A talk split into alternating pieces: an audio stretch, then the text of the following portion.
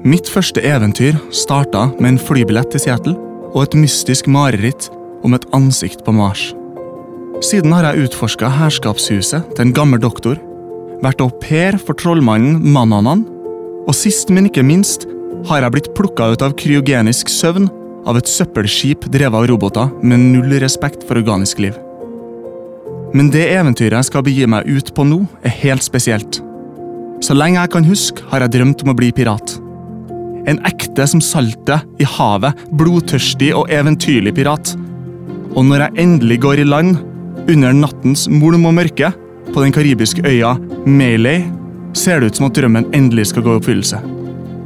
Jeg finner omsider stien til noe som ser ut som en by innerst i ei lita bukt, og på en utkikkspost står det en gråmelert gammel mann som stirrer intenst utover mot horisonten. En sånn nobel, gammel mann som har tilbrakt hele sitt liv med det ene øyet ut mot havet, eventyr og skatter, og det andre øyet stirrende dypt inn i menneskehetens dypeste, mørkeste avgrunn. Akkurat en sånn gammel krok som kan styre meg i riktig retning. Jeg bestemmer meg for å gå bort og presentere meg sjøl. Jeg må passe på at stemmen ikke knekker. Det er ingen fryktløse pirater som plutselig går opp i fistel. Hi, my name's Guyver Streetwood, and I want to be a pirate. Velkommen til Monkey Island. Velkommen til Retropodden. Og velkommen til sesong to av Retropodden. Ja, Velkommen, Leif. Ja, Velkommen, takk. Leif. Takk for en Takk fin intro. I dag skal vi snakke om Monkey Island, som vel kanskje er det absolutte favorittspillet til både meg og deg. Ja, det er fare for det. Eh, og det skal vi kose oss veldig masse med å snakke om. Vi har akkurat spilt uh, gjennom det nå i nyere tid. Ja. I hvert fall eh, en del av det. Og vi skal snakke om både Monkey Island 1 og 2. Mm. For de henger sammen, eh, mener Leif. Jeg har ikke fått med meg at de henger sammen. Men, eh, Ja. altså, de henger jo sammen, det er jo en og to, men det er visst veldig viktig å snakke om begge to, for det er The Secret of Monkey Island er visst noe som man kan finne ut av her ved å slå sammen de to spillene. Ja, eller det er det vi skal prøve å finne ut av, om det, helt tatt er, om det går an å finne ut noe. Ja. Så eneren heter jo The Secret of Monkey Island, Mm. Og hva er det Secret of Monkey Island? er jo et spørsmål mange har stilt seg Mm. opp gjennom årene. Så det skal vi prøve å finne ut om det går an å besvare. Og Til neste år så har det også 30-årsjubileum, hvis jeg tar helt feil. Monkey Island kom ut i 1990. Mm, stemmer. Så øh, hvis du hører på det her i 2020, så blir det på en måte aktuelt igjen. Ja, det kan du si. Men det er jo et høyaktuelt spill. Altså, det kom ut en second edition. Vi skal snakke mer om Monkey Island etterpå. Ja, Så temaet for dagens episode er jo da egentlig Ron Gilberts Monkey Island. Ja. Det er den originale skaperens eh, Monkey Island-visjon vi skal snakke om. Mm. Så selv om vi begge to er veldig begeistra for Island 3, så er ikke det en del av Ron Gilbert sin plan for trilogien. da. Mm.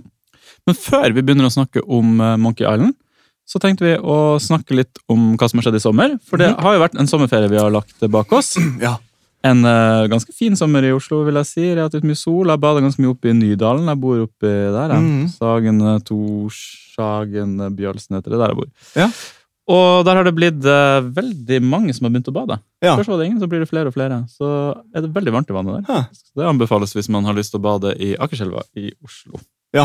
ja, for det går an nå. Mm. Husker Da jeg flytta til Oslo, så ble jeg anbefalt å ikke Ja, nærme det husker jeg også. Men det har skjedd så mye rart. Det var en gang de slapp ut masse klor. Husker du den episoden? Ja, det Plutselig døde si. alt livet. Hvordan går det an? Det er, en, Nice. det er en episode i seg sjøl. Hvordan i all verden klarer du å slippe ut så mye klor at du dreper alt livet sånn tilfeldigvis? Ja. Altså, her var noe som skjedde i Akerselva for noen år siden. At de slapp et eller annet Det er faen meg helt utrolig. Ja. Alt livet i elva døde pga. at noen slapp ut masse klor, og det fikk ingen konsekvenser tror jeg, for Nei. den personen som hadde gjort det. Og av og til er det Alna-elva sånn dieselutslipp. Mm. Hvem faen har en svært tank med diesel de slipper ut? Det er så rart. Det er en konspirasjonsteori, nesten. kan Hva foregår i elvene. Ja, hva du har gjort i sommer? Jo, altså, vi, vi flykta nordover Mm. i sommer. Eh, fordi eh, sommeren på Østlandet er for varm for meg. Mm. Jeg tåler ikke det her, jeg. Da vi kom tilbake igjen, som var da i slutten av eh, juli, så hadde vi ei uke med altså, 30 grader i skyggen i Oslo. Mm. Og det var helt forferdelig. Og jeg synes det er fantastisk. Jeg kan, det kan ikke bli for varmt. ass. Jeg, Når altså, jeg kommer var- inn på bussen i Oslo, ja. og det er sånn 30 grader ute og 40 grader på bussen, og den varme bare slår mot deg, i det det kommer, og så begynner jeg bare å smile og kose meg. Åh, Og jeg synes det er så fantastisk at det endelig er varmt. Jeg hater den der kulden. Ja, Den nei, det er, er, er rake motsetning. Jeg syns det er helt forferdelig. Eh, jeg, jeg blir bare liggende i en sånn pøl på gulvet. Mm. Men vi har kjøpt en ganske effektiv vifte, og så var vi nede i Vervenbukta. Mm. Der kan man slenge seg ut i fjorden. at det er jo glovarmt i fjorden. Mm. For, eh, for dem som kommer fra Trøndelag, så mener jeg eh, Trondheimsfjorden er jo så djup at uh, det er jo det er minusgrader i, Mm. i Trondheimsfjorden hele året. Mm. Det er ikke sant, da, men det går an å bade her. Ingen vet hva som skjuler seg i dypet. Nei, nei. Og det er jo nesten en referanse til Monkey Island, for det er da en ganske ja, dyp si. eh, eller i hvert fall Man skal ha en tur under vannet der også. Ja, ja, det skal man faktisk. Um, vi uh, koser oss veldig mye med å lage Retropodden, og vi har vært heldige og fått en del nye lyttere i sommer. Mhm. faktisk, Og litt nye folk som har engasjert seg på Facebook. og sånn, Det setter vi selvfølgelig veldig pris på. Mhm. Eh, vi har lyst å lage noen gøyale episoder i denne sesongen. Neste episode så skal handle om Amiga 1000. Mhm. Leif har akkurat kjøpt seg en Amiga 1000, og den står, han fikk den i handa nå. Mhm. Den står bak her, og den skal vi lage en episode om uh, i neste episode. Ja. Og det blir veldig, veldig gøy, tror jeg. Mhm. Jeg fant den på Finn. Det var en kar som het Thomas som solgte. Eh, Så jeg var ganske rask på avtrekkeren, og Mhm. fikk, eh, fikk eh, havna, havna vel øverst i køen, tenker jeg. Mm. Så jeg bare tok bussen rett opp til han. Fantastisk trivelig fyr. Mm. Uh, og he helt strøken Amiga 1000, Mhm. eh, som han hadde oppbevart på loftet til foreldrene sine siden han satte den vekk en gang på 90-tallet. Mhm. Jeg må føle jeg må si, jeg kjente ikke så godt til Amiga 1000 før jeg møtte Leif. Amiga 1000 kom før Amiga 500, Ja, stemmer. og den er svakere enn Amiga 500, så det er noe rart som har skjedd i markedsføringa og navngivinga her. Men Amiga 1000 kom i 1985? eller sånt? 1985. Mhm. Eh, og uh, Den står her bak, vi har sett på den, og den ser så artig ut. Jeg gleder meg så mye til vi skal koble den opp og lage en episode om den. Og uh, vi har en drøm om å komme oss til Nesodden har noe som heter Naug. Ja. Det stemmer. Ja, Nesodden Amiga Laug. Men de har treff nå, da. Og vi har prøvd flere ganger å komme oss på de treffene, men det er alltid et eller annet som står i veien, så vi ikke kommer oss dit sammen. Eh, nå er det et treff. Når er neste treff? nå? Det er på Er 28. eller 24. august? 24. august, tror jeg det var. 24. august. Da er neste treff. Eh, da er det mulig at Leif Den av de to datoene som er en lørdag. Ja, det er 24. Ja. Eh, da er det mulig Leif drar dit med en opptaker Mhm. Og lager en episode. Men det gøyeste hadde vært hvis det var en til i høst som vi kunne dratt på sammen. Ja. Og lagde en slags podkast fra det, for der er det et ganske levende Amiga-miljø. Ja, ja. Det, det, det er faktisk ganske mye folk der. Jeg var jo der første gangen det ble arrangert. Og det var, det var rikelig med folk. Det var veldig mye kult som pågikk. Og så har vi jo snakka om også at vi har lyst å lage en dokumentar, altså en litt større episode, om eh, eh, Skal vi nevne det? Tiki Data. Mm, er et norsk eh, dataselskap som eh, du, du vet mer om det enn Merleif, meg, Leif, men eh, det har vært, vi har snakka om å lage en ordentlig god dokumentar, en Mm. radiodokumentar eller podkastdokumentar om det, og det hadde vært kjempeartig å gjort i høst. Det krever ganske mye research og arbeid, og da må vi også intervjue litt av det. De her gamle traverne som Ja. var involvert i, i det. Mm. Heldigvis mange av dem er fremdeles i live. Ja. Mm. Så Altså, det er hardt jo å si det hvis noen vil høre på, for de er ikke så gamle. egentlig. Nei, Det er ikke så lenge siden Tiki Nei, det er ikke Mm. så fryktelig lenge siden. Det, det er flere av dem som, som helt sikkert eh, Mm. fremdeles er i arbeid. Ja. Uh, Men uh, det er jo Altså, det var jo et, et ganske levende sånn norsk datamiljø.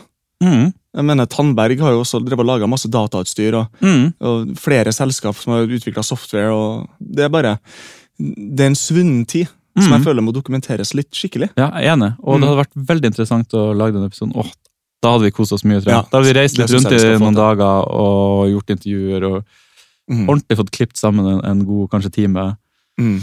time med historien om Tiki. Og før vi går i gang med å snakke om Island, så har jeg lyst til å nevne at det skal være et slags Commodore 64-treff på Hvis du bor i Oslo, så er det et sted her som heter Ball, som er et spillsted. Ja. Eh, 28. august. Nå jeg er ikke helt detaljene, men at, da er det et eller annet Commodore-relatert som skal skje der. Hvor de, noen skal sitte og spille Commodore-spill live og snakke mm. om det. eller noe sånt. Jeg synes det hørtes veldig artig ut. Jeg hadde jo lyst til at vi skulle dra dit sammen og, og kose oss litt, men du Mhm. kunne ikke, for du måtte jobbe den dagen. Jeg er rett og slett på jobb. Så jeg får se om jeg har lurt eh, med meg noen andre ned dit og det hadde sett på. Mm. Men på ball 28. august så er det da det er en torsdag, tror jeg. Mm. Perfekt dag å ha en sånn ting på. Så skal det da spilles Commodore 64 og snakkes om Commodore 64. Og Leif kan sannsynligvis ikke dra, men jeg tror jeg kommer til å dra og forhåpentligvis få lurt med meg en stakkars venn til å bli med på det. Og Mhm. hvis noen av de som eh, hører på Retropodden skulle ha lyst å komme dit og hilse på, så skal jeg gå rundt med en T-skjorte som jeg sitter med nå, der det er en Commodore 64-logo, og så står det PD-gutten over. Ja. Da kan man finne meg der hvis, eh, Hvit T-skjorte. Ja. Mm. og hilse på hvis man ønsker det. Ja. Mm. Mm. Ja, da må jeg arrestere meg sjøl der. Eh, Det arrangementet er på torsdag 29. august. Altså 28. august er en onsdag, så det er ikke da. Det er torsdag 29. august, og det er på Ball i Oslo. Og Ball ligger der nummer 19 lå før, det drinkstedet, for de som kjenner til det. Og i ettertid har jeg også fått med meg en venn som gjorde at jeg skulle dra dit, eller skal dra dit, men så har jeg også funnet ut at arrangementet er mellom 18 og 20, som er et litt dumt tidspunkt på torsdagen. Jeg trodde det skulle være litt mer på kvelden, så da må jeg se litt på hvordan det blir. Men det ser ut som et veldig hyggelig arrangement. I løpet av sommerferien så har jeg benytta meg av anledningen til å øh, høre tilbake på våre tidligere episoder. Bare for å høre eh, hva som har vært bra, og hva som kanskje ikke har vært så bra, hva vi kan gjøre bedre og sånne ting. Um, men det, jeg, har, jeg sitter igjen med et par spørsmål Mm. som jeg tenkte jeg bare skulle ta med, med Peder her nå.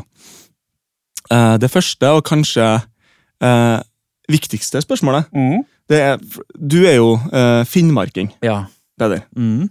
Um, og de aller fleste finnmarkinger har jo en tendens til å se på alt som er i hvert fall sør for uh, Tromsø, som søringer. Mm. Men du omtaler Trondheim som Nord-Norge. Ja, det gjør jeg faktisk, ja. Hva Jeg, er det som foregår jeg har bodd så lenge sørpå, vet du. Jeg flytta jo når jeg var 16 til Skien. Ja? Eh, Men til og med østlendinger omtaler jo Trondheim som Midt-Norge. Ikke som Nord-Norge. Ja, nei, det er rart med det. Jeg har alltid tenkt at Trondheim er At det er en del av Nord-Norge. Jeg vet ikke hvorfor jeg alltid har tenkt det. Det er bare Det er rart når du nevner det, jeg må begynne å reflektere over det, så det er vanskelig å, å finne et godt svar, men uh, alt Jeg føler Nord-Norge begynner i Trondheim, egentlig. Ok. Og så går det derfra, og så går det på en måte bare oppover. Men jeg ser jo at det er feil, for det ligger jo midt i landet. hvis Ja. man skal være veldig presis. Og Men jeg føler for eksempel min venn Robin, som uh, jeg fikk den flotte Commodore-T-skjorta av. Ja. Han er jo fra Trøndelag. Alltid tenkt at vi er begge nordlendinger. av en eller annen grunn. Ja. Mm. Det er jo en del eksempel nordmøringer som føler seg nært knytta til, til Midt-Norge og Trondheim. da. ja, det føler ikke jeg. Nei, for dem er noe annet. Ja, Da blir det noe annet. Hva er dem, Møre, da? er Søringer, da? Ja, Vestlendinger, kanskje? Vestlendinger. Og da er de et helt annet sted, for da er de på Møre. Det er noe helt annet. Nordmøringer, Nordmøringer er vestlendinger, Ja. og trøndere er nordlendinger. Det er helt korrekt. Sa Ok, Nei, men Det er fasit. Mm. Da har vi fått etablert det. Mm. Kjekt å vite. Og så har jeg også lagt merke til at i flere episoder så forteller du at du drar til Finland for å kjøpe deg dataspill. Ja. Som for meg bare høres helt sprøtt Jeg har ut. mange minner av det, i hvert fall. At vi kjørte, vi kjørte ofte Hvor hen? Det er Nei. bare ødemark i Finland. i mange hundre altså, mil. Når man vokste opp på 90-tallet i, i Vadsø, og man skulle på ferie sørover, og man hadde tre brødre, mm. og foreldrene var lærere, så kunne man ikke fly. Det gikk Nei. an, det kosta 200 000 kroner for en flybillett. Eh, og, så da kjørte vi. Så vi hadde en bil med syv seter. da. Og da kjører man, hvis man skal kjøre fra Finnmark, du ser på kart, du skal Mhm. kjøre fra Finnmark til Kragerø, da, som vi kjørte til, så er den retteste linja gjennom uh, Sverige og Finland. Mm. Så eh, da endte vi opp med å kjøre de her eh, lange strekkene gjennom Finland, og stoppe i diverse byer der, hvor de da solgte Amiga-spill. Ja. Som Monkey Island, blant annet, som vi skal snakke om i dag. Den versjonen som vi enda har. Ja, familien. Nå har broren den, eh, min den hjemme hos seg. Ja. Den er jeg ganske sikker på at ble kjøpt i Finland. altså. Okay. Broren din bor også i Oslo. Ja. Ja. Så han uh, har en Mm. fin uh, Amiga-rigg, og har sittet og spilt gjennom Monkey Island nå i nyere tid. Det er jo også helt utrolig at dere ferierte i Kragerø. Ja, det var min far som var derfra. Oh, ja. Tenk den kjøreturen. Det er jo helt Det tok det er jo hele tre-fire dager. det. Fem En, dager. en uke å kjøre ned. Ja. Tenk deg med fire unger i begynner må å vært Ja, et mareritt. Fullstendig mareritt. Vi har jo sånn hjemmevideokamera. Ser ut som Lars von Trier har regissert uh, ferievideoene våre. Så vi, vi kjørte ned, brukte en uke på det, en uke der nede, og så en uke på å kjøre opp igjen. Ja. Men vi var jo innom sånn Eidsvoll, og Ja. så på Grunnloven. På Ja. Så vi gjorde jo noen sånne der ting òg, men det var jo så man kjørte jo. Det Ja. det man gjorde. En ting jeg ofte lurer på, er hvor har det blitt av? Det må jo være et svært lager av uåpna spillbokser. For Mm. alt ble jo ikke solgt, liksom. Nei. Hvor er det de her lagrene er? Når ble Leif betenkt? Ja, det er fordi jeg, jeg så en Finn-annonse ganske nylig. Mm. der det var en kar som hadde lagt ut for salg en Amiga 500 med skjerm Mm. og printer og diverse programvare som var helt uåpna. Mm. Alt var helt splitter nytt og Mm. Det er utrolig. Men det Og må da- ligge på lager, sånn som Ja. Saks i Vadsø. De, må- de har jo ikke kasta det. De må jo ha lagt det på et lager, i hvert fall. Jeg må jo tenke det. Det står på loftet til noen, Ja, noen har liksom. endt opp med det. liksom. Et eller annet du har lagret, og så har du varer du ikke har solgt, og så putter Mm. du der, så står det og støver ned. Det må jo være mange sånne lager rundt Mm. omkring. i... For alle sammen som har et sånt lager, ta kontakt med meg eller Peder. da. Ja, gjerne. Det har jo dukka opp, for de som følger litt med på YouTube, Ja. så har det dukka opp et sånt lager faktisk i USA, Mm. i Texas. Det er flere youtubere som har lagd video om det. Mm. LGR har en veldig fin en. Eh, Dette stedet heter eh, Computer Reset, og det har ligget i Texas i mange år. Mm. Og det, det har vært en slags reparasjonssjappe hvor de også har solgt maskiner og sånn, har jeg inntrykk av. Det er litt sånn kryptisk hva det her er for noe, men det er enormt stort. Mm. Enormt. Fotballbaner. Jeg vil, Når jeg ser den videoen, det må være fire fotballbaner til sammen med stæsj, liksom. Noe er i en slags butikk, på en måte, og noe Mm. er bare på lageret. Mm. Og det er, han har reparert maskiner fra sikkert fra en gang på midten av 60-tallet, 70-tallet, for det går helt tilbake til i hvert fall 70-tallet, Mm. ting de har der. Og det er, altså det ligger hulter i bulter oppå hverandre, skatter liksom. Det er et Mm. fantastisk skattekammer, og det er artig å se når- når folk går rundt der. Mm. Altså, det, han som driver butikken, har etter, jeg vet ikke om han er død eller dårlig helse, eller et eller er sånn som Mm. familien har tatt over. Det er liksom merkelig hele opplegget. Mm. Og de skulle jevne det med jorda, det som blir sagt, med en bulldoser, liksom, eller et eller annet sånt, og bare liksom selge landet. fordi de men så har jo da en del folk som er interessert i gammel teknologi, funnet ut at det her fins, og begynt å dra dit og kjøpe ting. Og så har det blitt for mye pågang. og sånn. Jeg vet ikke helt hva som skjer der. Men det er ganske artig å se hvor ekstreme mengder eh, gammel teknologi de har. Og hvor Mm. mye skatter. altså Folk som har lett etter ting i alle år som de ikke finner, som de plutselig finner der, liksom, som bare Mm. ligger. Ja, det er helt utrolig. Mm. Det, det, er jo det her klassiske. altså En, en persons eh, gråstein og en Mm. persons Ja. eh, gull. på en Men jeg tipper det finnes mange sånne her. Mm, helt sikkert. Men eh, Og jeg tipper at det er altså flere av de her små butikkene i Norge som drev Mm. På et eller annet tidspunkt så har de hatt, hatt uh, konkurssalg, og så har ikke de fått solgt unna alt sammen. Mm. Og så har det bare blitt oppbevart. Ja. En eller annen kjeller. Ja, så står det der. For du vet, det er litt sånn der, ja, støvete kjellerbutikklokalene som Mm. på et tidspunkt var butikk, og så har den bare forsvunnet, og så ser du bare at det støvet enda står der, ingen har rydda ut. Åh, Ja, Tenk å utforske de tingene. alt. Det er en episode vi hadde lyst til å gjøre lenge, som er at i borettslaget til min bror, Mm. uh, så uh, var det et rom som ingen hadde vært inni Mm. siden uh, midten av 90-tallet en gang. Mm. Eh, og så hadde de til slutt fått en lås med for å bare åpne opp det her rommet eh, og se hva det var. Og der hadde det stått en Amiga 500, som da var urørt i 20 år, liksom. Mm. Og det hadde vært så artig å ta med den håndholdte opptakeren vår, Mm. og så gått inn og lagd en uh, reportasje Mm. med hva man finner inn, inne på det her rommet, og hvordan den Amiga 500 som bare har stått der. Men jeg har ikke kommet så langt at jeg har liksom fått begynt å spørre om tillatelse til å gjøre det. men Ja, det hadde veldig vært en gøyal episode å gjort denne sesongen. Så Ja. Vi har mye artig vi har lyst til å lage. Ja. Mm. Men nå skal vi snakke litt om Monkey Island. Absolutt. Og Monkey Island er som sagt et av mine og Leif sine absolutt favoritter. Det er et fargerikt point and click adventure-spill. Hele spillet begynner med at du kommer på toppen av et fjell, Mm. og så snakker du med en fyr og sier at du har lyst til å bli en pirat. Og så er det Spillet handler om din reise til å bli en pirat. Ja.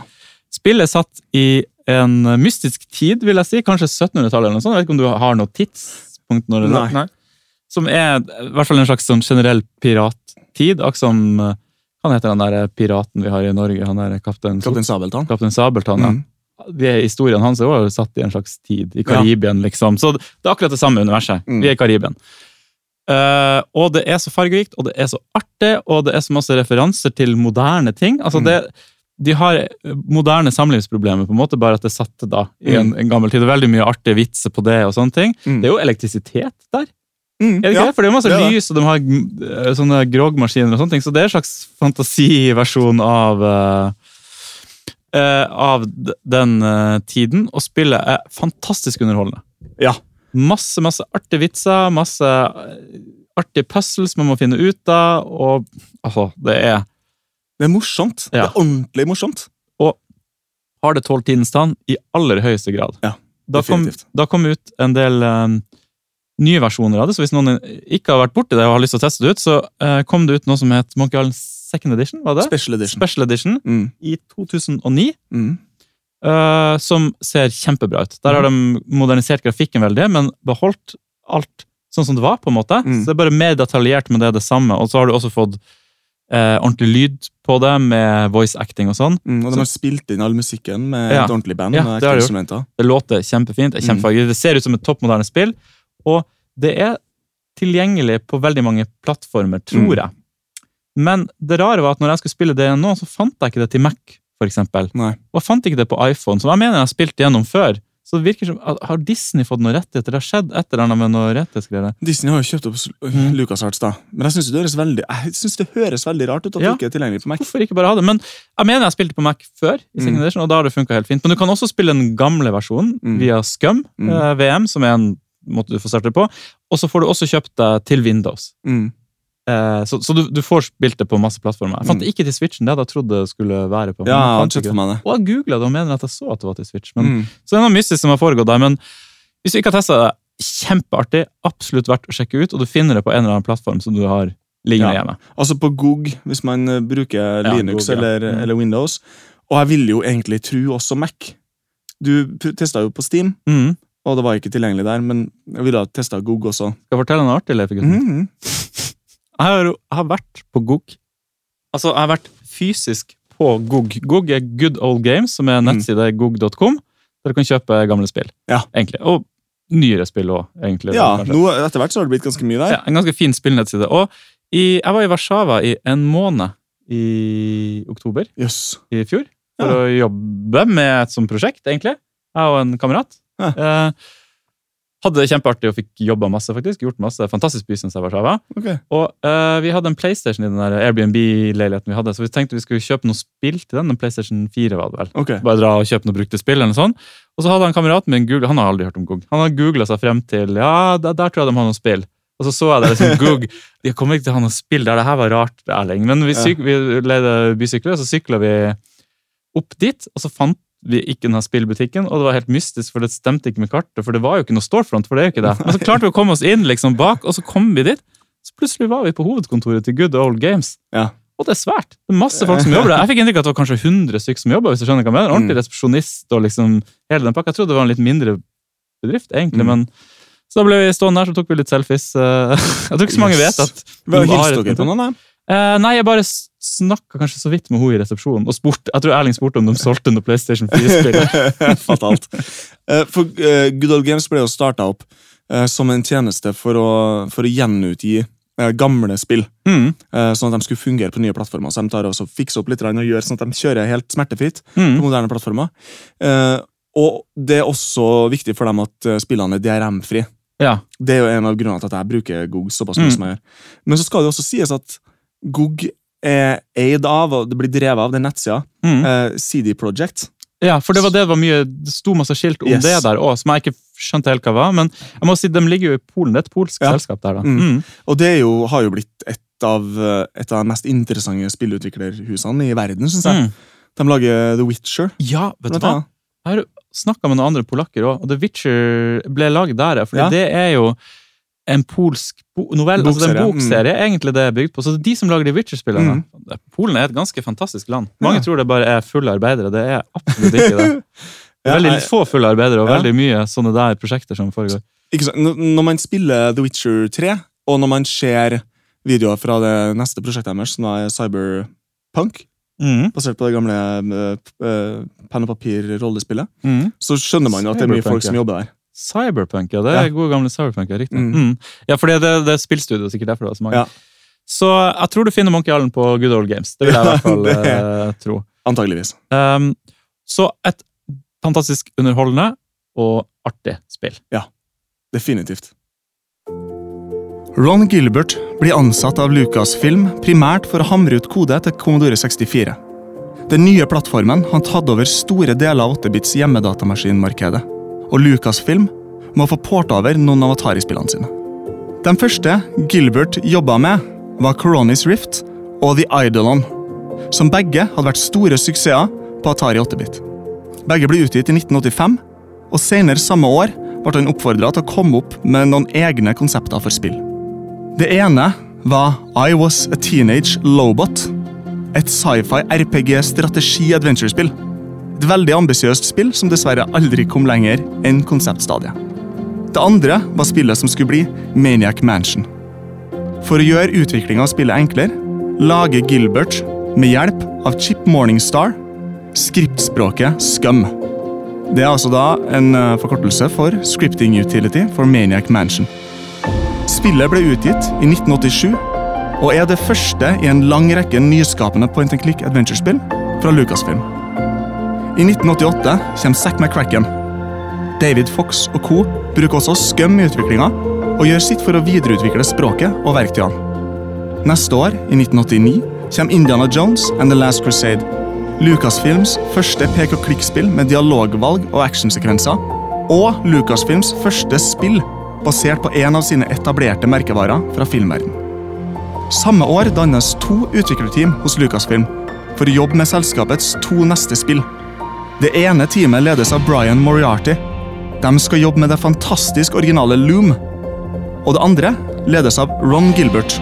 Og med Dave Grossman og Tim Shafer skal trioen utvikle Ron Gilberts neste spill, The Secret of Monkey Island. I det originale konseptet var det guvernøren som var skurken.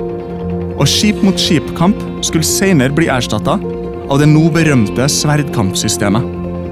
Helten var opprinnelig en piratkaptein kalt Smear West, som hadde havna i unåde.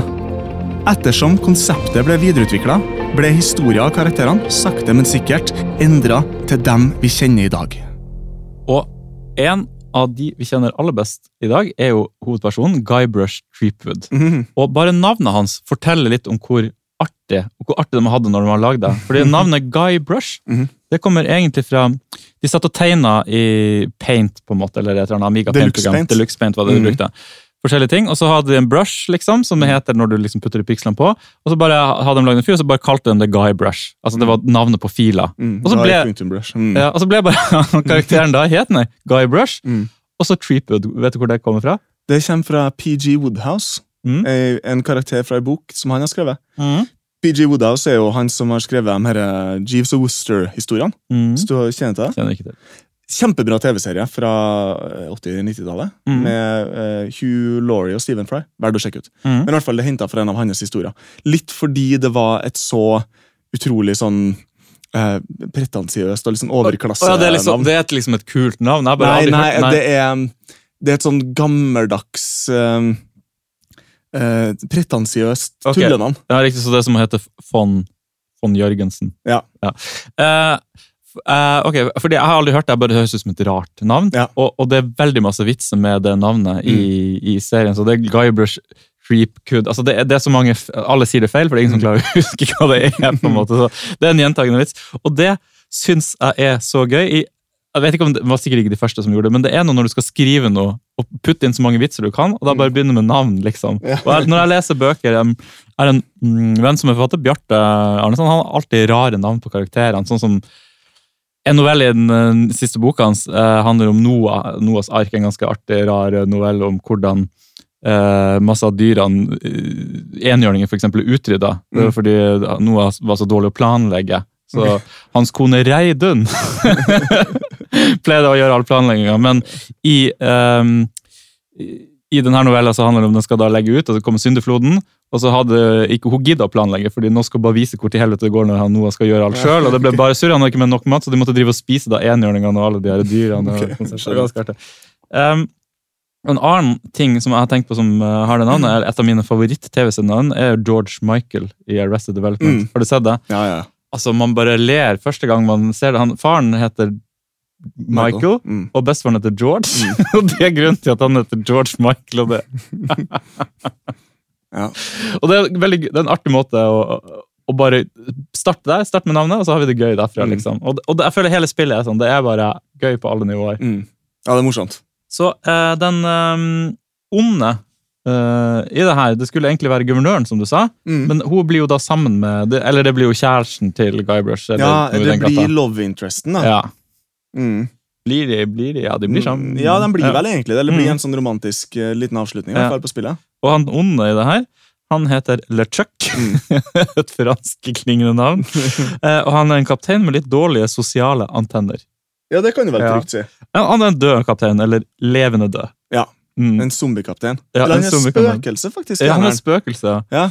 Veldig, veldig artig og, og rart. Og så har han liksom masse andre spøkelser som jobber for ham, Mm. som er li, litt misfornøyd med jobb, arbeidsforholdene og litt sånne ting. Så går vi på det. Um, en annen ting jeg syns er veldig artig i Monkey Island, som jeg har brukt sjøl i andre prosjekter, det er at de skriver trademark etter hver gang det skrives Monkey Island. Mm. Noe som helst sted i spillet eller Mm. dialogen. Scumbar og Ja. alt mulig. Det, er alltid trademark. Ja, Du får sånn liten TM-symbol. Det er bare noe gøy over uh, ja. Mm. Det er noe veldig artig over alle de her små vitsene som hele tida kommer. Og det er det Ron Gilbert som lagde spillet, er ekspert på det. det Ja, han er veldig god på det. Og det er jo også litt uh, artig når man tenker over at veldig mye av dialogen ble improvisert. Oh, ja. Det ble bare skrevet på farta mens de satt og hamra løs. Fordi du har jo sikkert sett noen intervju med Ron Gilbert, og han er en ganske morsom fyr. Jeg har faktisk ikke det. Jeg har ikke, det? nei, jeg har ikke det. Jeg har aldri sjekka den ut. Jeg bare Nei. Han er en morsom kis, og han skriver veldig godt. Og Tim Shafer Mm. er også en legendarisk morsom karakter. Mm. Og han også skriver veldig godt. Mm. Og Dave Grossman, som er tredje Var de egentlig programmerer? I hvert fall han uh, Ron Gilbert er hovedsakelig. da. var det, men han skriver òg veldig Ja. da. Mm. Eh, Dave Grossman, som er den, en, den siste delen av denne trioen, han er også en veldig morsom fyr, som skriver veldig godt. Mm. Det kommer veldig frem hvis man spiller special editionen av toeren. For der har de eh, spilt inn kommentarspor, Mm. som på de her gamle DVD-ene. Mm. Så du kan aktivere det, og mens du spiller spillet, så kan du, få det sånn at de Ja, kommenterer Ja, Har du spilt med det og hørt på? Mm. Og der er alle tre. Ja, Alle kult. tre sitter her i studio, og alle tre er veldig morsomme. Mm. Det er kjempe, kjempeartig å høre. Mm. på Det må jo være en artig gjeng for å lage de her uh... Ikke sant? Og bare satt og, og fant på på sparket. da. Funker kjempefint. mm. Så spillet er eh, dialogdrevet på mange måter. Ja, Du må finne objekter, løse ting, men du må også snakke med mye folk. Mm. Og da er det sånn at du velger hva du har lyst til å si, Mm. og så svarer de, og så velger du hva du har lyst til å si. Og kampsystemet, eh, den sverd Du må bli For å bli pirat i, når spillet starter, så det er tre ting du må gjøre. Ja, Vi kan jo bare ta en liten Ja, sånn generell introduksjon til hva spillet går ut på. ja jeg tenker det. Med en gang. Fordi Mm. han, uh, Garbage Threepwood, hovedpersonen vår, kommer til denne øya. Melee Island. Og har, lyst, Island. Mm. ja, har lyst til å bli pirat. Mm. Og han møter da en sånn snodig gammel gubbe som står oppå en sånn utkikkspost, Mm. som sier jeg bare gå ned i byen. På Scumbar så møter du tre piratkapteiner. De kan fortelle hva du skal gjøre. Mm. Og som den her lille dimlingen som han er, så tasser han bare rett inn i byen og går inn på denne baren. Og det blir tydelig med en gang at de her piratkapteinene tar ikke den på alvor i hele tatt. Mm. Og bare gir han tre sånne idiotiske uh, oppgaver. De bare dikter opp. Å, er det det de gjør? Ja, de bare finner, ja, ok, For å bli pirat så må du gjennom tre sånne Og utfordringer. jeg, tenkte liksom. at de, jeg tenkte at det var det man måtte gjøre for å bli pirat på den tida, men det er kanskje bare at de ikke tar det seriøst. Jeg ikke Nei, på det, men de virker ja. Jeg tolker det, for de sitter Mm. og flirer veldig mye av en Ja, det er underveis. Så Mm. det er tydelig at de bare driver gjøn med den. da. Mm. Men det blir jo vår oppgave som spiller å gjennomføre de her tre.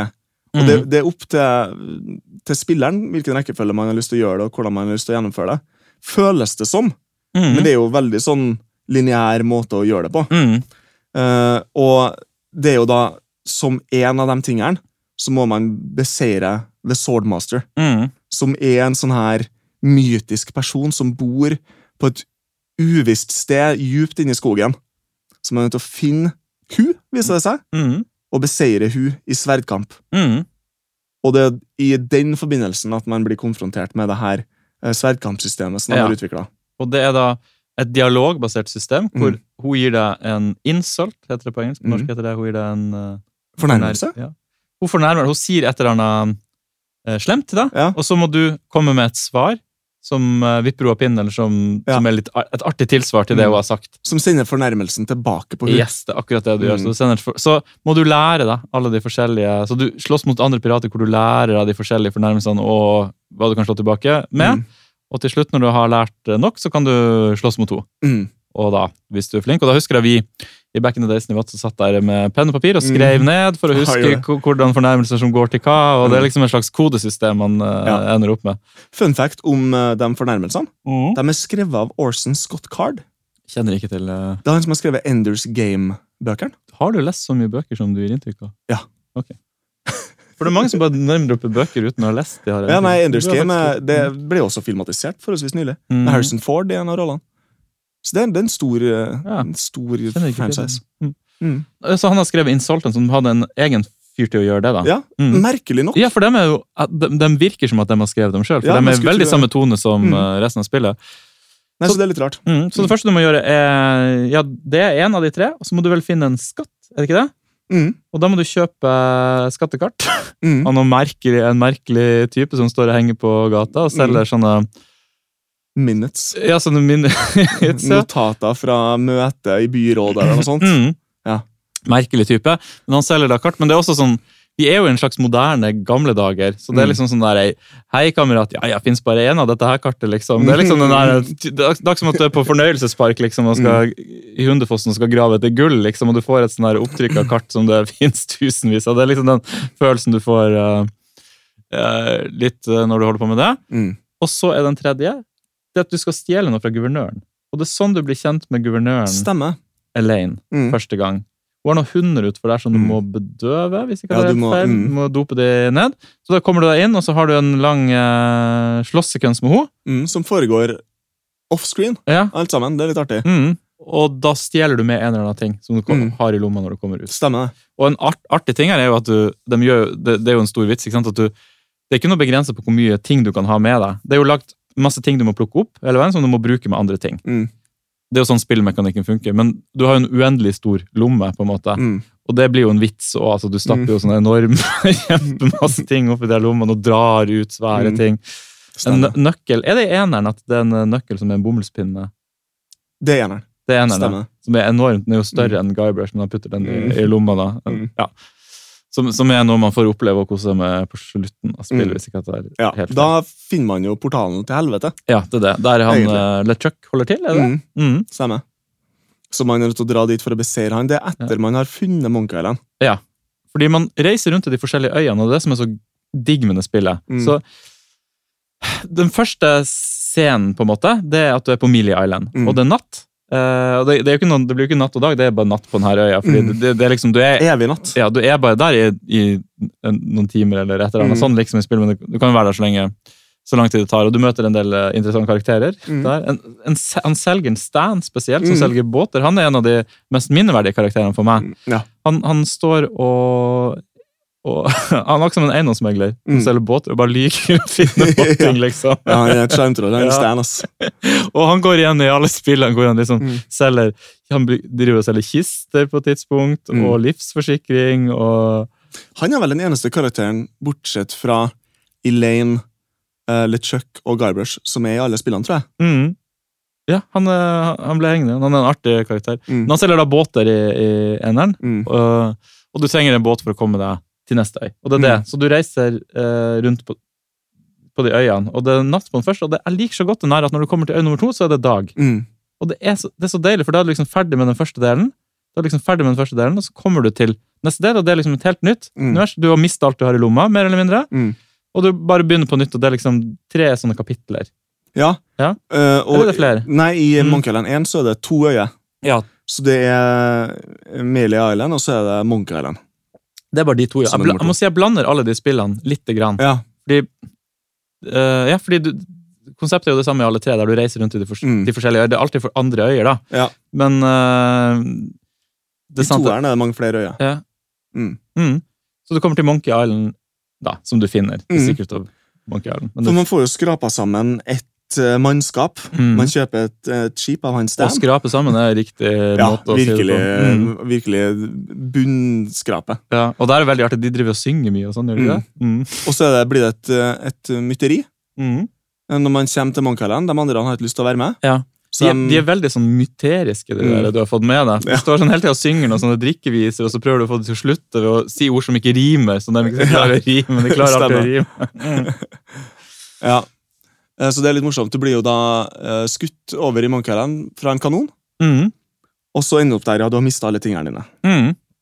Og så er det da om å gjøre å, å finne eh, LeChuck. Først må man jo utforske øya. Mm. Og det er jo en av de tingene som jeg synes er veldig morsomt med de Monkey Island-spillene. eh, som de eh, gjør mer av i toeren, men det er også i eneren.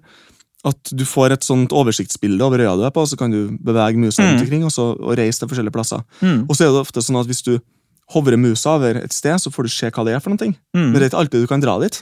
Mm. Så det er med på å bygge en sånn her mystikk rundt det. Mm. Så tenker, jeg, oh, hva er det for noe? Mm. Og det er plasser du aldri kan dra til også. Så du da var liten, så skjønte ikke jeg hva det betydde. For eksempel Gorge har du på Monkey Island. Det er gorge. Hva betyr det? Det er bare et, et, um, en avgrunn, på en måte. Mm. Et, et svært sånn uh, Riktig, ja. Jeg skjønner det. Som står, det står der, og så bare Gorge, hvorfor kommer man aldri dit? Mm. Man kan ikke dra dit, men det, det bare er der, da. Mm. Uh, så man møter en sånn karakter på Monkey Island som heter Herman Toothrot. Ja, stemmer. Som er en sånn tulling som har blitt forlatt der. Som bor der alene og som har gått fra forstanden. Mm. Vel, minner veldig om, uh, om den her karakteren fra Skatten på sjørøverøya. Hvis du kjenner til den Ja. historien. Ja. Der også uh, finner man jo en sånn her tulling Mm. som har bodd på øya i mange år for seg sjøl og, og begynt å snakke med seg sjøl. Han er veldig inspirert av, av Ja. den karakteren. Mm. Og han hjelper deg. Og så møter man også noen kannibaler. Ja, de er veldig artige kannibaler som er vegetarianere. og Mm. sånn. Mm. Det er liksom der humoren ligger. da, Ja. veldig mye. At de spiser uh, hva er det man vegetarianere på nytt? så- Tofu. Tofu, ja. Det er Ja. det det stort sett går i, i alle Stemmer. mm. Ja, det er morsomt. Som vi har liksom snakka litt om, om uh, handlinga i spillet og hvordan det, hvordan det utvikler seg. Så et, et, det får meg liksom til å tenke tilbake på da jeg spilte da jeg var liten. Mm. Fordi nå som voksen så, så vet vi jo virke, hvilke, uh, hvilke begrensninger spillet har. Og man vet også hva man kan forvente at skal skje. Mm. Uh, man ser mye mer den lineære veien man skal følge. Husker Da jeg var liten, så så ikke jeg det i det hele tatt. Det var eh, sånn som jeg også nevnte litt når vi snakka om Nasiera-spill tidligere, den tekstparseren, hvordan det mm. føles så uendelig stort. Husker det gjorde det i Monkey Island også. Absolutt. Du, det er spesielt en scene. Det er jo en sheriff på Melee Island Mm. som er Han er ganske eh, Han er ikke noe spesielt vennlig. Mm. Ennå han har ikke gjort noe galt heller. Og det viser seg jo etter hvert at han er jo i lomma på, på LeChuck. Mm. Eller er han LeChuck? Ja, Er ikke det noe med at han LeChuck gjør seg til et eller Ja, annet? det der husker jeg ikke helt. Nei. Men han er i hvert fall en skurk. Mm. Og det er en sekvens der man forviller seg inn i bakgata, og så kommer han. Mm. Ja, stemmer. Mm. Mm. Jeg husker hvor nervepirrende jeg syntes det var da jeg var liten. Mm. Fordi nå, også når man velger mellom de her forskjellige dialogmulighetene, så er det veldig tydelig at det er ikke noen sjanse for at du du, du blir ikke drept av han kisen. Mm. Det kommer til å gå bra uansett. Alt det der er bare vitser. Mm. Men han var så forsiktig med hva jeg valgte, husker jeg. Ja. Tenkt så grundig gjennom det hvert eneste valg. Men det er jo en uh, interessant ting i uh, I uh, Monkey Island-spillene at du kan ikke dø. For da Nei. hadde man begynt å skjønne man trenger ikke å lage spill der man på død og liv må dø. Ja, Man kan lage spill der man kan overleve. Ja. Fordi da blir du med, du er ikke redd for å gjøre feil, selv om du var litt redd for han sheriffen. Altså, er det liksom, Du bare spiller på at det kan ikke gå noe galt, du kan ikke gjøre noe i feil rekkefølge. Mm. Det er liksom, Spillet prøver ikke å ta gnisten fra deg, nei. slukke ilden din. Det prøver å bare gelide deg gjennom historien. Det er jo en scene på Monkey når du er oppe på det øverste fjellet der, der du kan gå utfor stupet, Mm. og så detter du ned. Og så kommer det opp en sånn, eh, en sånn rute, et sånn rektangel, sånn som var på Sierra-spillene når du døde. Mm. Og så står det «Ah, 'Nei, sorry, du datt ned'. Ser ut som at du er nødt til å loade mm. litt. grann. Og så står det da 'restore, restart eller quit'. Mm. Men så kommer den, hvis du venter litt, så kommer den spretten opp igjen. Mm. Og så sier den ah, 'rubber tree'. ja. Så det er en sånn liten vitsing med Sierra, Mhm. liksom. ja, det er jo litt narr av Sierra sin måte å gjøre det mm. Men det er et sted i Island der du kan dø. Jaha? Um, fordi uh, du blir jo til slutt uh, tatt av han sheriffen, Mm. og han binder deg fast til en sånn her uh, statue, en sånn tung statue, Mm. pælmer deg ut i havet. Mm. Og det er jo en vits som går igjen i alle Monkey Island-spillene, der Govers Stripper driver og skryter av at han kan holde pusten i ti Ja, minutter. det er hans største talent. Han kan Mhm. holde pusten i ti minutter. Hvis du venter i elleve minutter, så Mhm. drukner han. Han gjør det, ja. Det har jeg aldri gjort, for jeg har alltid Ja. vært stressa til å gjøre det jeg skal. Hva skjer når han drukner, da? Nei, da dør du. Ja, Så loader du, liksom? Ja, da må du loade tilbake. Ja. Og det som er litt kult, når, eh, når han dør, så endrer verbene seg. De, de, altså, de her tingene som eh, Nederst til venstre så står det Mhm. masse sånn pickup, pick up, open, close og alt mulig sånt. De endrer seg til uh, float, bob, bloat, decompose Ja, og sånne ting. Uh, så det er, jo ikke, det er jo ikke et spesielt vanskelig gåte, men akkurat der og da så blir man jo veldig stressa av det. Mm. Men ha, så har man ti minutter på seg da, til å løse det. Ja. Jeg har aldri dødd der. Jeg har alltid Nei. vært sånn stressa, så har jeg løst det. For det er jo lagt opp til at det her ikke er så vanskelig, akkurat. uh, det under vann. Det er ganske begrensa hva du Ja, kan sant. gjøre der. Eh, det er jo en veldig artig historie som går igjen, og eh, en annen interessant ting med hele det her er jo den spillmotoren Scum, Mm. som ble utvikla for å lage akkurat de her spillene, og mange spillere lagde det. Og den Scum-motoren eller kan du enda bruke på alle moderne systemer, så er det Mm. lagd eh, emulatorer som emulerer det. Scum VM, Mm. det er vel sikkert Virtual Machine. Mm. Finns det, kan du laste ned, sikkert helt lovlig. Jeg vet ikke hvordan Mm. det er. Jeg hadde på, i mange plattformer. Da kan du Bare laster du opp uh, spillet, så kan du spille det Mm. sånn som det var. Du får ikke det i second edition, du får ikke det der, eh, nye grafikken og sånn der, så vidt jeg vet. Nei. For jeg tror at de nye spillene ikke er lagd i Scum, sånn som den, den eh, Jeg kaller det second edition, men den het Special edition. special edition. Mm. Jeg tror den er lagd i type Unity eller en sånn spillmotor, for Ja. den blir så lett porta til andre plattformer. Mm. Der kan du også drive og hoppe tilbake til det gamle spillet. Og så kan du i special edition til toeren Mm. så kan du ta for grafikken fra den originale utgivelsen Mm. med lyden fra special Ja, for det edition. jeg mener. Jeg husker at man kunne. Men Mm. når jeg satt og spilte det på Windows-PC-en min nå, så Kan fikk jeg ikke til på det. den første. Det var derfor, ja. Jeg kan Mm. ikke det på den første. Nei. Nei. Da har jeg nok spilt Second Edition 2-eren av Monkey Island på noe tidspunkt også. Men, Mm, ja, det kan godt hende. Vi skal jo snakke litt om Monkey Land 2 etterpå. Ja. Uh, og sånn som vi, vi nevner der, så er jo Monkey Land 2 er veldig uh, designa, Grafikken er veldig designa rundt vega Mm. uh, og begrensningene. Eller uh, det, er egentlig, det ble jo ikke sett på på den måten. Vega var jo nytt og moderne, og det var jo Mm. begrensninger der. der var jo, da, da hadde jo alle mulighetene i verden. Mm. 256 farger. Hvem er det som klarer å bruke opp alt det? Ingen. Uh, mens når man ser på grafikken i Monkey 1, så føler jeg i hvert fall at det er ganske tydelig at det fremdeles er EGA Mm. som er Hva eh, er forskjellen på EGA? Da har du færre farger. Ja, i EGA så har du 16 farger. Ja. I motsetning til Vega, der det har 256.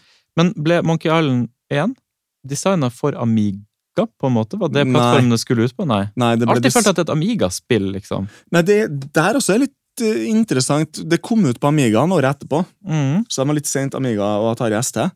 Uh, og Hva var første plattformen det kom på? PC. Ja, det var det. Ja, Mm. DOS. Mm. Og det var EGA-versjonen som kom først, og Vega-versjonen kom kort tid etterpå. Og når man ser på Vega-versjonen Jeg har alltid syntes at EGA-versjonen er finere å se på Mm. enn Vega-versjonen. Um, Jeg skjønner, for det var sikkert det de lagde det til, og så har du Mm. bare å, flere farger, liksom. Og, det er en Mm. sånn vanvittig fin sånn dittering. mm. Effekt som de hadde blitt veldig gode på, de grafikerne i LucasArts. Mm. Eh, 1 er et, et godt eksempel på det, men Loom, som blir nevnt litt tidligere her, er et ekstremt godt eksempel på det. Mm. Grafikken i Loom er bare helt fantastisk. Riktignok EGA-versjonen. Vega-versjonen er sånn så som så, syns jeg. Mm. Um, så der hadde, jeg var litt interessert i dine tanker rundt det. Om du har, har du spilt begge to? Eh, om jeg har spilt EGA og Vega-versjonen? Nei, jeg har bare spilt Amiga-versjonen. Oh, har Eller, nå lyver jeg. Altså, jeg har spilt Amiga-versjonen, for den kjøpte vi i Finland. mm, Eh, og så eh, har jeg i senere tid spilt Scum VM-versjoner. Mm.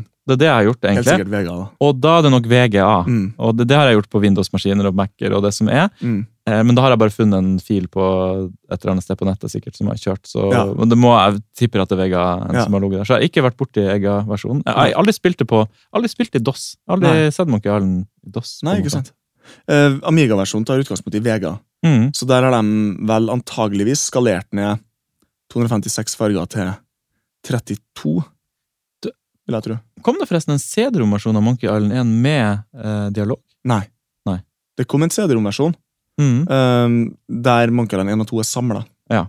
Var, det, var det dialog i Monkey Nei. Island 2? Nei. For det er også en stor forskjell på eh, den nye versjonen som kom i 2009, Mm. og den gamle er jo at du får eh, at alle dialogene har blitt tatt opp. altså Ja. det er voice acting.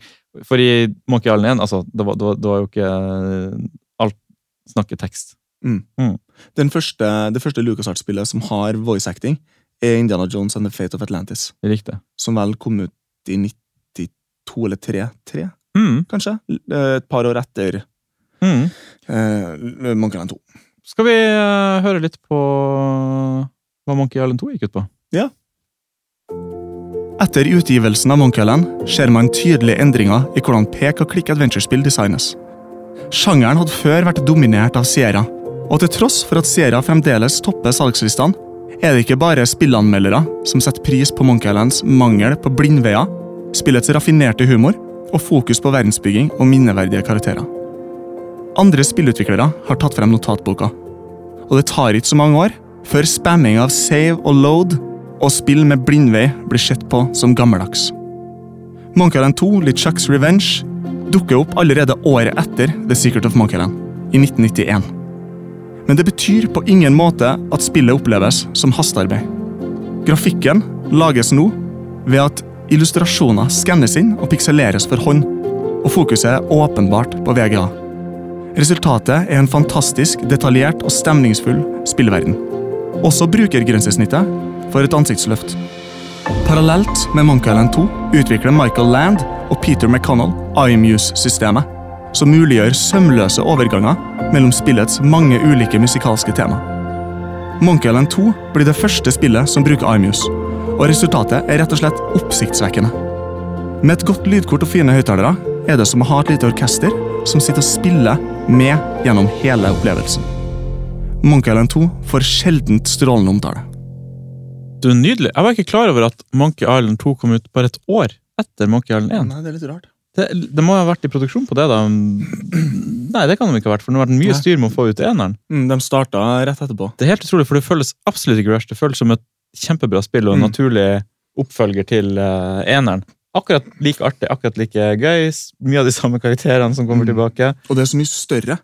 Mm. Og det, er også så mye, det har så mye høyere produksjonsverdi. Det er rart å tenke på at det kommer et år etterpå. Mm. Man, både når man ser og hører på spillet. Ja, det er utrolig, for det, det er mindre og mindre man rekker i løpet av et år før. I hvert fall hvis du Mm. skal lage et helt spill. Sånne store produksjoner tar så mye tid. Så det må ha, de må ha jobba dag og natt for å få ut det der. Det vil jeg tro. Mm. Og det er jo også på tross av at Monkey Island 1 ikke solgte noe særlig bra. Oh ja, gjorde det ikke det? Nei, Og det er jo kjemperart. Hvorfor gjorde det ikke det? For det er jo et legendarisk spill nå. Mm. Alle kjenner jo til Monkey Island. Mm. Så har det hatt en sakte kurve hvor det har blitt mer og mer populært, eller? Antageligvis. Mm. Det har, det har eh, tålt tidens tann mye bedre, og det har blitt gitt ut på nytt og på nytt. Og på nytt. Mm. Og de har jo bygd opp en kullstatus, de spillene. Ja. Um, jeg så noen tall på det. Visstnok så antar man at Monkey Island 1 solgte rundt 100 000 kopier de første årene etter det ble utgitt. Mm. Er det bra eller dårlig? Det er ganske lite. Ja. Sammenligna med eksempel Kings Quest 5, som kom ut samtidig, som solgte en million kopier. Såpass, ja. Ti ganger mer Mm. Sierra-spill. Hvorfor det? For jeg syns jo Monkey Island er veldig mye bedre. Mm. No offense til de som Det er Nei, jeg har veldig sansen for eh, Sierra sin spill også, og jeg liker vel kanskje Kings Quest 5 spesielt godt. Mm. Jeg kjenner ikke så til, eh, godt til femmeren, bare hele den serien eh, Mm. har datt nok litt av, tror jeg. Men Det altså, overrasker meg at ikke, at ikke Monkey hadde en større appell enn Jeg tror nok at litt av greia var at eh, Sierra hadde bygd seg opp et mye større publikum. Og hadde, det, var en mye, det var et sånn kvalitetstegn, og det var en mye større merkevare. Og, Ikke sant, så Nå kommer et nytt Sierra-spill, alle Ja. vet hva de får, mens Lucas Art sine spill var litt nyere. på en måte. Ja, de hadde mye mindre publikum. Og jeg Det tror nok, være kjedelig. Du sitter og har lagd det fantastiske spillet, Mm. og du har liksom funnet opp sjangeren på nytt. Mm. på mange måter, Og du får gode anmeldelser, gjør de ikke det? Ja. Og så selger du 100 000, mens eh, King Quest selger en million. ja, han, eh, Ron Gilbert snakker om det med jevne mellomrom. Mm. eh, hvor frustrerende det var. Eh, fordi de jobba jo hardt med Monkey Island, og med Monkey Island 2. Eh, desto hardere med Monkey Island 2, og det også solgte ikke noe spesielt bra. Mm. Det, altså De første årene. da. Det har jo sikkert solgt jo, Jeg vil jo tro at Monkey Island 1 nå i dag har solgt betydelig mange flere Ja, kopier for det er et spill enn Kings Quest 5. du kan kjøpe på iPhone. Ja, ja, Og, ja. Du får jo tak i Kings of 5, det er jo helt begravd og glemt. Mm. Dessverre. Det er bra spill. Mm. Men uh, de, har, de har hatt en mye, leng, mye mer langvarig appell. da. Mm. Alle spillene til LucasArts. Men eh, mm, det her kommer ut fan-remakes av Zack McCracken og Mm. Altså det er De, de, de, de har en slags um, tone som De har en humor som jeg føler ikke Sierra hadde. Sierra-spillene har ikke humor Helt Nei. tatt. Bortsett fra Licious Suit Larry Ja. og Space Quest. Ja, de hadde litt humor, men Mm. det, det treffer meg aldri like bra som Monkey Island. og Det føles som kanskje den humoren har overlevd Mm. bedre. Mm. Simpsons, på en måte, det er noe med den tida vi er i, som de tar tak i. Mm. Skjønner du hva jeg mener? Det er litt av den samme tonen som Simpsons har. som liksom... De er jo ganske tegneseriene som satiriske. Mm. sånn som Simpsons er, eh, Monkey Island-spillene. Og en annen ting som de gjør, de gjør de, Det er jo en del litt sånn moderne ehm, Kan man si ehm, Valg de gjør. Blant annet så bryter jo eh, Monkey Island-spillene den fjerde eh, veggen ganske ofte. Det er Spesielt nå er vi jo tilbake på Island 1. Og hva mener du med den fjerde veggen? eh? At eh, spillere og karakterer refererer seg til spilleren. Eller jeg Mm. mener NPC-er og Guybrush refereres, refererer seg til oss. Ja, til han som sitter og, og, spiller. Mm. Det er blant annet en sekvens i eneren når man driver med de sverdkampene, Mm. at eh, du kan spørre Hvorfor snakker du så rart? Mm. Og så sier han som du fekter mot «Eh, Slutt å kødde, Guybrush. Alle sammen snakka sånn på den tida. Bare spill med. Nei, jeg kan ikke huske det, men det er Ja. veldig artig. Mm. Når du går ut av den fjerde veggen. Ja. Ikke sant? Så det er ganske mye sånt i, Mm. eh, i Monkey Island-spillene. Mm. Ja. Um, humoren føles veldig frisk og nesten litt sånn frekk og morsom på, på en, på en Mm. annen måte. Og på ingen måte datert, vil jeg si. Nei. Like artig i dag som uh, 1990. Men Sierra-spillene, humoren der er mer corny. Mm. Det er mer, det er mer en litt altså, Larry-spillene og Space Quest-spillene, det er mer en sånn her uh, Mer gammeldags uh, Litt sånn amerikansk corny humor. Ja. Eh, så vi, vi kan jo først bare ta en sånn kjapp gjennomgang av hva som skjer i Monkey Land 2. Mm. Eh, fordi man avslutter jo eneren med å beseire den her spøkelsespiraten. Mm. Og så er eh, Guybrush han er tilbake, og han skal ha et nytt eventyr. Spillet starter med at man sitter rundt et lite bål sammen med to andre pirater. Mm. Og så sitter Guybrush og sier nå skal dere høre her. Jeg skal ut på et nytt eventyr. Og den gangen her så skal jeg, jeg skal på det feteste eventyret. Jeg skal finne den, den beste skatten, Mm. og alle sammen skal huske meg for noe mer enn å ha tatt eh, knekken på LeChuck. Og det virker ikke egentlig som at noen av de andre karakterene i spillet verken tror på at LeChuck er død, eller tror på at Garbers Threepood er personen som står bak. Mm. Ennå han mener sjøl at han er kjent i hele Karibien for å ha gjort det. Ja. Um, og det vi skal gjøre, er at vi skal finne Big Whoop, Mm. som er den store skatten. Stemmer, ja. Ja. Big whoop, ja. Det er det som er greia. Og igjen så starter vi på ei øy, og mye av det første delen av spillet går ut på å finne seg et skip. Mm. På den øya her så er det en liten, hissig, gangsteraktig fyr som heter Largo Legrand, Mm. som eh, prøver å forhindre at det skjer. Det viser seg etter hvert at han jobber for LeChuck. Mm. Som ikke er død. Ikke Eller som er død. død. Han er, Han er død og blitt gjenoppleva i zombieform. Mm. Den gangen her. Han er ikke et spøkelse noe lenger. Mm. Men det er noen som har gravd opp kroppen hans og Mm. reanimert den. Og for å gjøre det, for å, eller for å klare å komme oss av det første, den første øya, så finner vi etter hvert ei voodoo-dame Mm. inni ei myr. Og hun sier at uh, for å bli kvitt han Largo, så, så må du gjennom en serie med, med prøvelser. Med Mm. du er nødt til å finne items. Og når vi får gjort det, så kommer vi oss av øya, og verden åpner seg. Mm. Og det blir umiddelbart klart at den er mye større enn 1. Mm. Uh, Det er mange øyer du kan dra til, og det er mye forskjellige ting du kan gjøre, og det skjer veldig mye rare ting på Mm. de her forskjellige øyene. Og det som er litt interessant, som vi nevnte så vidt i stad, det er at det, det spillet er laga på et år. Det er helt utrolig at de har rukket å gjøre det, for det er ingen av de punktene som føles uh, ubebodd, eller Mm. der, det, der puzzlesene er litt sånn Ja, Og forhasta. det er ikke noe gjenbruk Nei, på den måten av ingenting. grafikk eller elementer. Det er så mye ny musikk Mm. og grafikk og karakterer. Det er så minneverdige lokasjoner. Og alle puzzlesene er kjempebra. Mm. Godt gjennomført og logisk. Eh, veldig fint hele veien. Mm. Og jeg nevnte jo også i den lille introen i stad at eh, de hadde det her iMuse-systemet som ble utvikla av han eh, komponisten, eh, Michael Land. Mm. Som, hvis du har hovedsakelig spilt det på Amiga, så har man ikke eh, noe særlig kjennskap til systemet. For på Amigaen så er det nesten ikke noe musikk i Monkey Island Mm. Er det 2. ikke det? Nei. Det er ikke toeren. Utrolig nok så er det ikke eneren heller. Dun, da, da. Ja, så det er intro, og det er, er det bare den? tema. Jeg går ikke det under Det er eh, veldig lite som skjer okay. i musikk. Jeg bare mener å huske at det var mye musikk, for jeg har hørt Mm. mye av den musikken i senere tid. Jeg også, Når jeg tenker tilbake på min barndom, da jeg også satt og spilte på Amiga, så husker jeg det som at det var musikk overalt. Mm. Eh, og sånn, Etter det, etter jeg ble voksen, så har jeg utelukkende spilt de spillene på PC. Mm. i Scum VM. Og så har jeg gått tilbake nå og spilt Amiga-versjonen, og det er helt stille hele veien. Oh, ja. Men det som er litt kult med det her IMU-systemet For Det er her det jo lyddesignet. Den second edition hvert fall, er det jo sånn måkeskrik, og det var det kanskje ikke i uh... Det er sikkert noen lydeffekter, det vil jeg tro. mm. Men det er nesten ikke musikk. Mm. Og de klarte ikke å porte, fordi um, musikken på Amiga-versjonen er jo sample-basert. Og det er nesten så du spiller av en låt. Mm. Mens IMU-systemet er midi-basert. Så de klarte å finne en sånn finurlig måte å morfe fra det ene musikkstykket over til det andre. Så, sånn Mm. sømløs Mm. overganger. Slags er som en film, liksom? Mm. Når du går inn fra en scene til en nytt, en, så bare sakte, men sikkert så endrer musikken seg. Og det er helt sømløst. Du, jeg har en litt interessant ting om lydeffektene Ja. i spillet.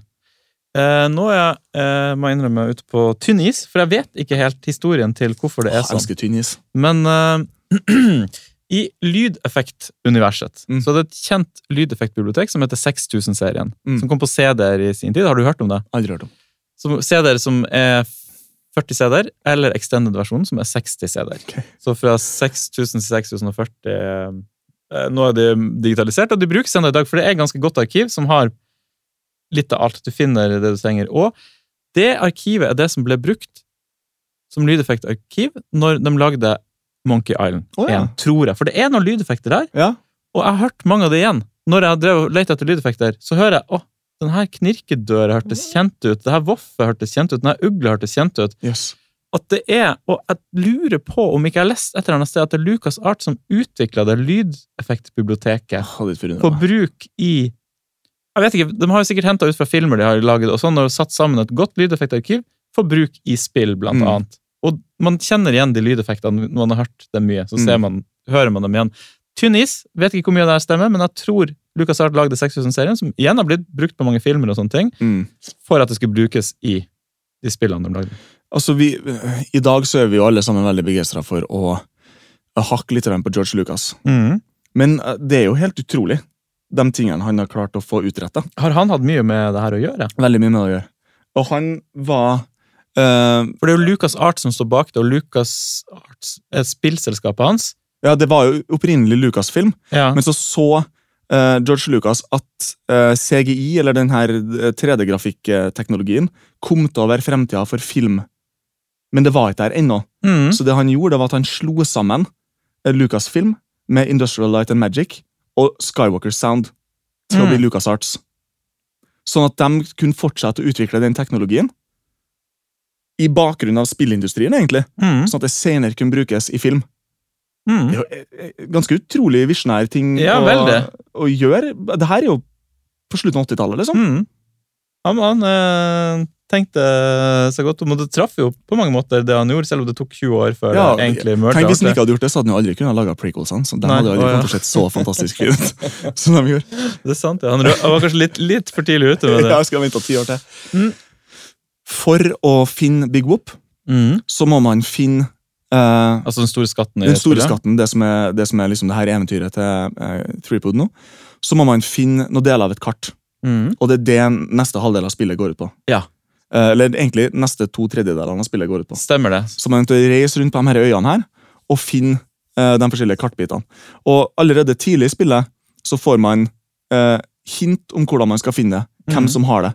Og det er veldig sånn Det er en veldig eventyrlig, mystisk, nærmest sånn her surrealistisk vri på hele greia. Mm. Og jeg synes Det som er litt sånn fint med måten Monkey Island 2 er skrevet på, og for så vidt til en viss grad eneren, er at de klarer å, å liksom tvinne inn så mye mystikk i det. Mm. De, det. Det er så mye verdensbygging, bare i sånne små hint. Man kan blant annet besøke biblioteket. Det er vel på Fat Island, tror jeg. Mm. Og der kan man lese en masse bøker. For man skal finne ei bok Ja, som vel heter Big Whoop, eller Mm. et eller annet sånt. Og da kan man bare lese alle mulige slags bøker, og inni der så finner man alt mulig rart Mm. og, og informasjon Mm. om bare verdenen. da. Og det er veldig mye spennende. Uh, mange snåle karakterer man møter.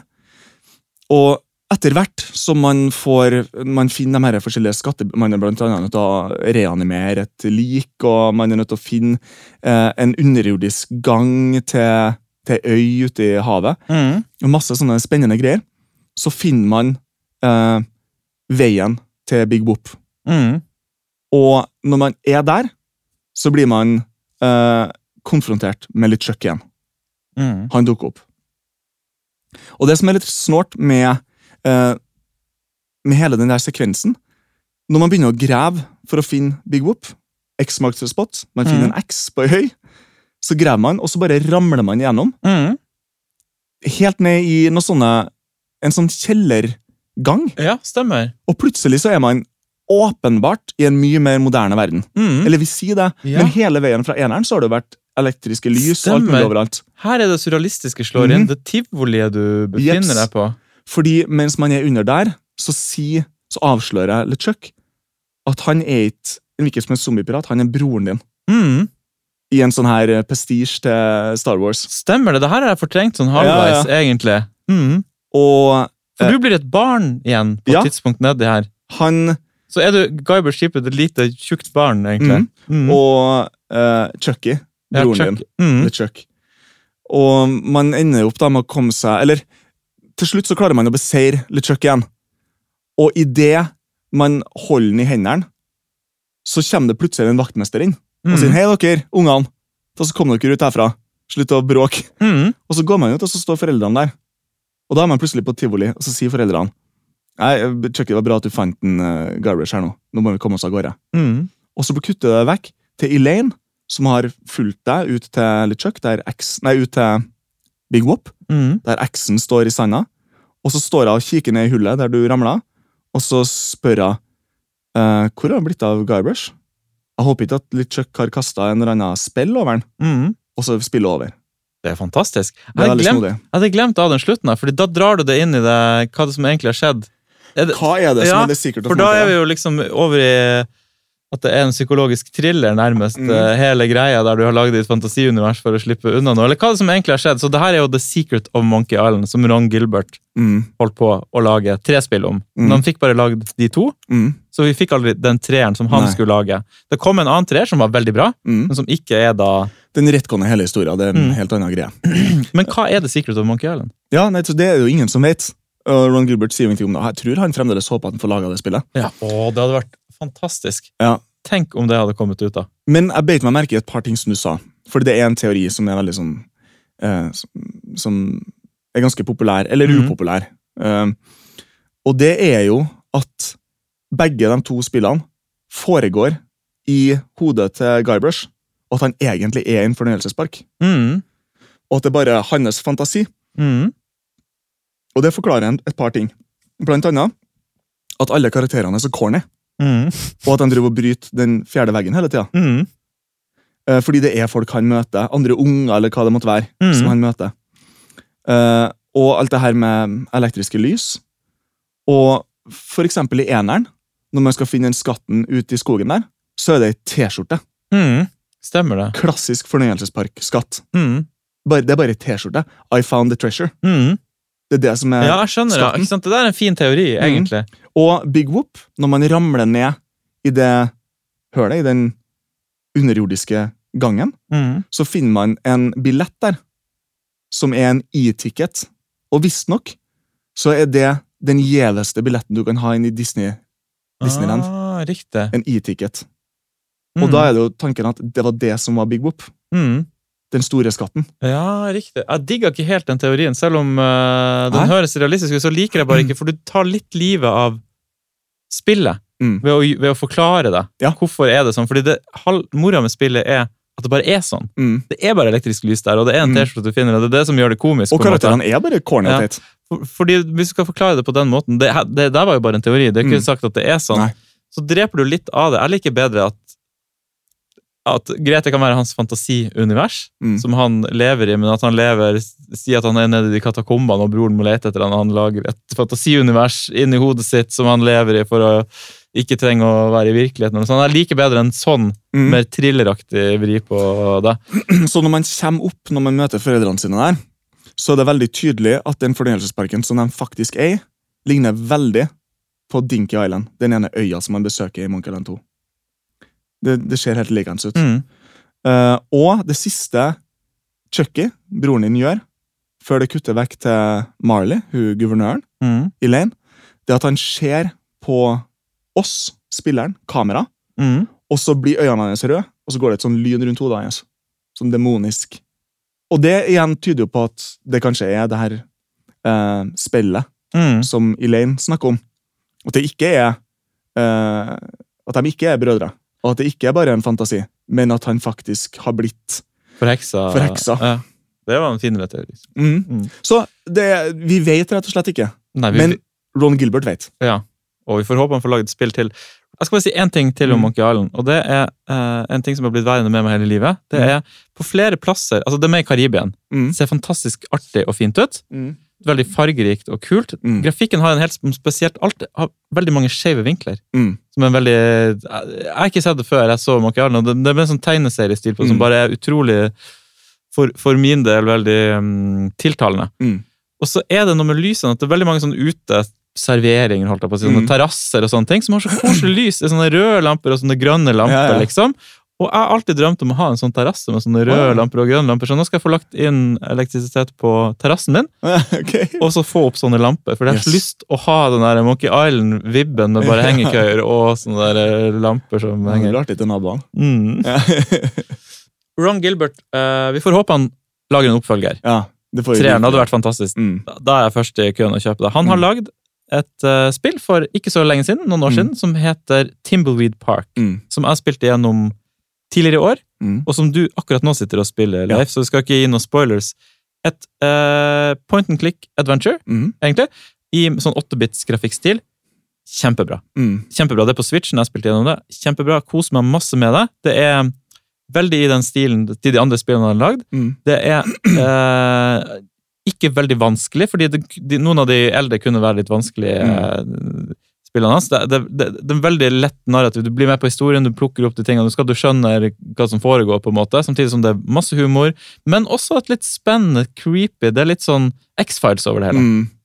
Ja, det har jeg merke til. Det er veldig Mulder og Scully, de to FBI-agentene. Ja. Selv om de ikke har den dynamikken, i hele tatt, så er jeg Mm. veldig sånn inspirert av dem. Det er det. Og det er et spill som uh, vi i begge oss to vel anbefaler veldig varmt hvis man uh, har lyst på et moderne på en måte point and click adventure. Så. Han har jo sagt, eh, Ron Gilbert, at han, han ville lage et spill eh, som var som om du hadde åpna et skap i Lucasfilm-kontorene og funnet et spill som Mm. aldri hadde blitt utgitt. Ah, det er en kul måte å si det på. Det er Ja. sånn det føles. Mm, Det er virkelig sånn det føles. Eh, og det er jo tydelig eh, Det ser tydelig tilbake på eh, Maniac Mansion og Zack McCracken i grafikkstilen. Mm. Og det er jo de samme folkene også. Han har Mm. fått med seg de samme folkene Ja, som var med på. På Maniac Mansion. Så da fikk vi løst gåten om Monkey Island i dag. Du føler det? Mm, jeg føler det.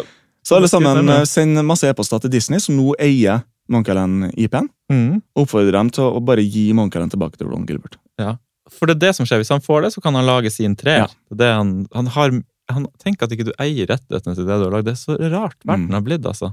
Og, og Disney kommer aldri til å gjøre noe med. Monkeyland, det er jo helt åpenbart.